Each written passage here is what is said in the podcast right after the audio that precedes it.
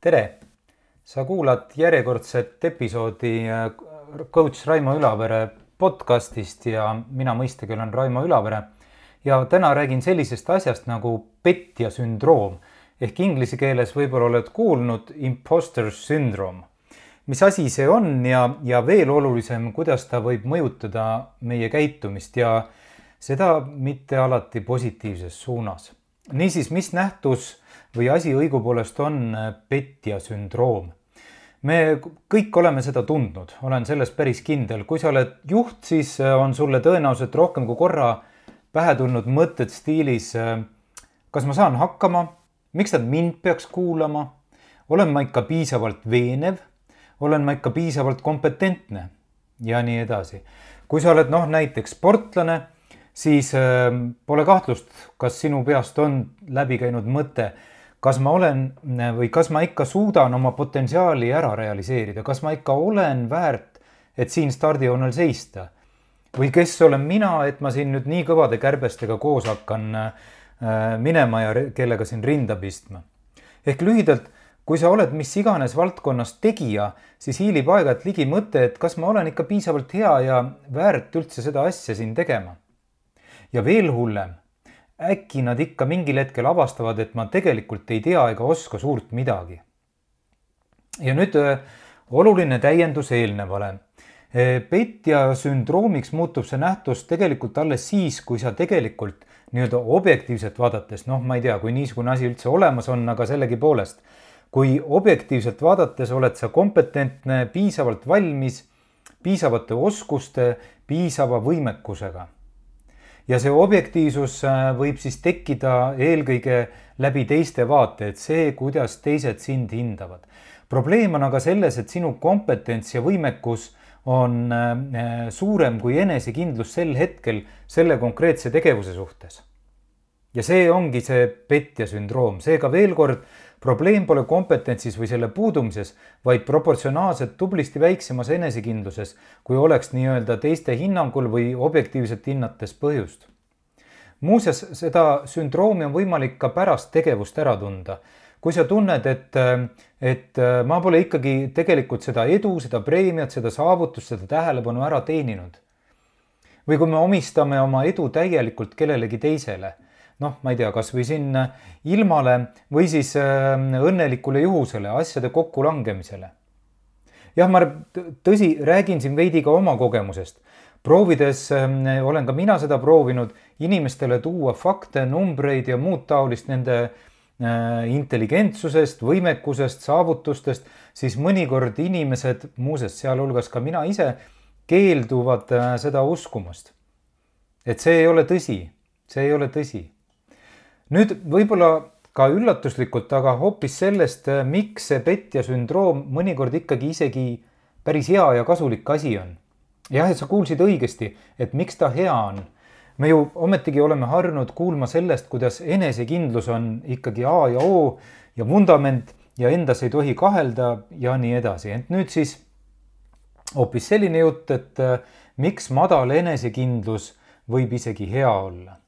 etteruttavalt ma ei räägi siin äh, madalast enesekindlusest kogu aeg iga tegevuse suhtes püsivalt, aga sellegipoolest.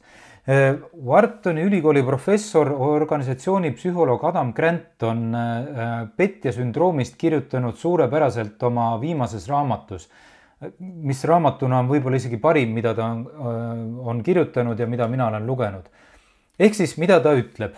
ütleb järgmist ehkki paljudel juhtudel võib madal enesekindlus viia kehvemate tulemusteni, olgu siis äh, inimene juht või sportlane või arst või insener või kes iganes, siis see ei pruugi alati nii olla.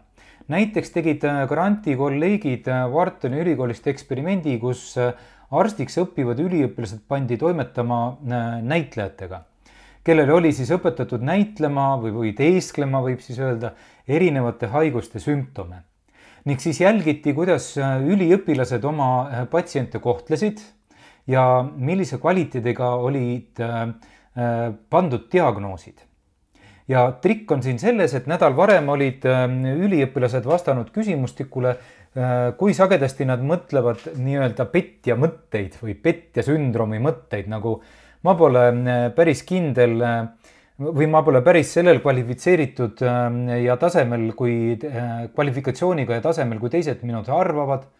ja minu jaoks olulised inimesed peavad mind võimekamaks, kui ma ise arvan. ja need on siis niisugused tüüpilised petja sündroomiga inimese mõtted. ja katse tulemusena leiti, et inimesed, kes pidasid ennast pigem kehvemaks kui teised, ei pannud samas kehvemaid diagnoose ja veelgi enam, nad olid tublisti paremad suhtlejad, paremad kuulajad, paremad küsimuste küsijad. muuseas, kui arvata, et see kehtib ainult meditsiinitudengite juures, siis äh, samad teadlased tegid samalaadse eksperimendi ka investeerimise professionaalidega ja tulemused, nagu sa ilmselt aimad, olid samad ehm, nii-öelda jutumärkides petjad ei teinud kehvemaid tulemusi ja veelgi enam, mida nad, mida enam inimesed arvasid endast ehm, kui petjast, eks ole, rohkem kui sellisest nagu hästi, et ma varjan hästi oma ebakompetentsust, eks ole, seda kõrgemalt tegelikult hindasid nende tegevuste tulemuslikkust nelja kuu pärast nende ülemused. veider, kas pole? Granti sõnul on petja sündroomil ehk kõrget kompetentsi ja veidi madalama enesekindlusega inimese puhul äh, mitmeid positiivseid külgi. Äh, esiteks, see paneb inimesi pingutama ja rohkem tööd tegema. Isegi kui kompetentsi ja oskuste tase on kõrge, siis tunne on ikkagi selline, et, et veel peab juurde panema, veel on võimalik paremaks äh, minna ehk äh, lihtsamalt öeldes petjad äh, nii-öelda ei jõua kunagi kohale oma võimekuste tippu ähm, äh, hetke, kus nad saaks öelda, et nüüd on kõik hästi, nüüd ma olen ikkagi täiega kohal ja, ja täiega valmis. seega ka enesekindlus võib meid hoopis pigem mugavaks teha. Kui me kunagi ei muretse selle pärast, et võime teisi inimesi alt vedada, nende lootusi petta, siis tegelikult ütleb Grant, suureneb tõenäosus, et ühel hetkel me ka veame teisi alt, petame teiste lootusi. seega niinimetatud petjad võivad olla küll viimased, kes piltlikult öeldes rajale tulevad, et nad on ka viimased, kes rajalt lahkuvad, ehk nad pingutavad kauem kui teised. teiseks väidab Grant, et niinimetatud petja sündroomiga mõtteviis võib innustada meid töötama sootuks targemini. Kui me ei usu, et me suudame võita, siis pole meil ka ausalt öeldes midagi kaotada ning saame oluliselt lihtsamini oma strateegiaid muuta saame piltlikult öeldes katsetada. kui ees on sein, siis mitte proovida sealt enesekindlalt ja vabandust väljenduse eest ka lollilt läbi minna, vaid leida viis, kuidas seinast mööda saada. petjatel on äh, algaja meelehoiak. Äh, petjad eeldavad, et me ei tea suurt midagi, õigemini eeldame, et me teame oluliselt vähem, kui tegelikult teame, eks ole. E, erinevalt siis paljudest teistest inimestest, kes äh, Dunning-Krugeri efekti mõjul ei suuda näha uusi viise ja lahendusi ja võimalusi.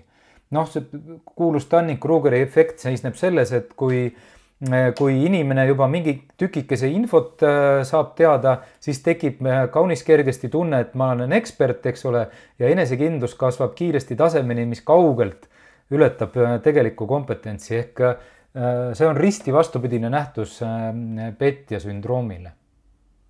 ja kolmandaks miks siis äh, petja sündroom võib äh, teatud juhtudel ka kasulik olla. kolmandaks võib suhteliselt nõrgem enesekindlus äh, teha meid paremateks õppijateks, ütleb Grant. õppimine eeldab adumist ja aktsepteerimist, et meil üldse on midagi õppida. ja kõva enesekindlusega, enesekindlusega inimesel seda tunnet ei pruugi üldse tekkida, sest ma olen nii kõva kärbes, eks ole, ma olen nii kõva tegija, mul, minul ei ole enam midagi vaja õppida, ma olen valmis ja lihtsamalt öeldes enesekindlus pole paha, ent ilma noh, eesti keeles kõlab see halvasti, alandlikkuseta, inglise keeles kõlab see paremini.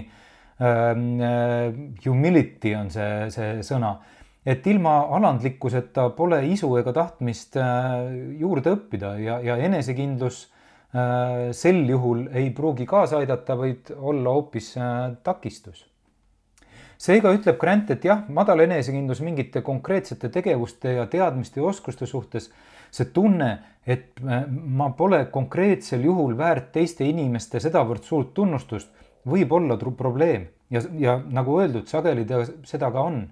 et teisalt ei pruugi see igal konkreetsel juhul nii olla ning enesekindlus ilma alandlikkuseta, nagu öeldud, muutub kiiresti arrogantsiks siia lõppu ka veidi sellest, millised on kõrge kompetentsi ja võimekusega, ent madala enesekindlusega inimese riskid.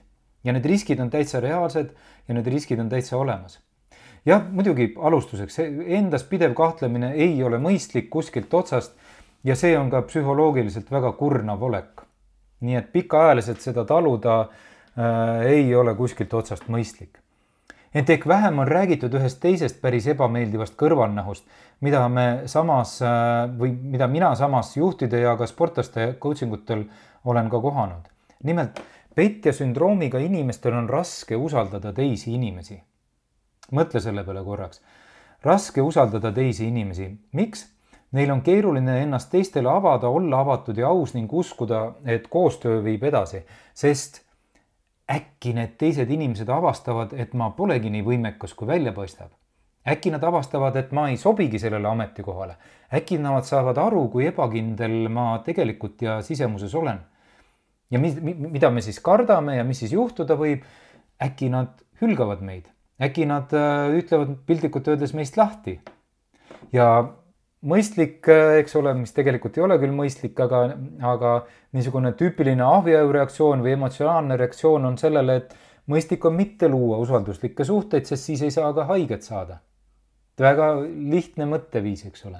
olen seda näinud ja kogenud äh, juhtide juures, kes kardavad luua oma inimestega paremaid, inimlikumaid suhteid, kuid tegelikult olen näinud seda ka sportlastega või, või kellega iganes, kes ei näe oma edu võtit meeskonnatöös ja usalduslikes suhetes. iga, ükskõik mis valdkonna inimene, kui on probleeme usaldusega ja teiste inimese usaldamisega, siis äh, inimesed soovivad, et teised lihtsalt töötaksid nende jaoks, annaksid neile nii-öelda valmis asjad, ilma et inimene ise peaks emotsionaalselt panustama, sest usaldamine tähendab alati enda mingis mõttes nagu lahti tegemist ja, ja emotsionaalset panustamist. aga nii need asjad ju ei tööta nii ennast avamata on väga raske kasvada keskpärasest juhist päriselt heaks ja tulemuslikuks juhiks. sest tulemusi teevad ju inimesed, mitte protsessid, masinad, asjad. ja nii on ka väga raske jõuda tippu mis tahes eluvaldkonnas, olgu see sport, kunst, meditsiin, haridus, mis iganes. usaldus ja koostöö on tühjad sõnakõlksud, kui me ise pole valmis ka teistele tunnistama, et keegi, sealhulgas mina ise, pole täiuslik selline siis äh, tänane jutt äh, petja sündroomist. Äh, tänast juttu ja kõiki eelnevaid ja tulevaid saad kuulata ka iTunesis ja Spotify's. järgmine kord juba järgmised lood. aitäh ja kuulmiseni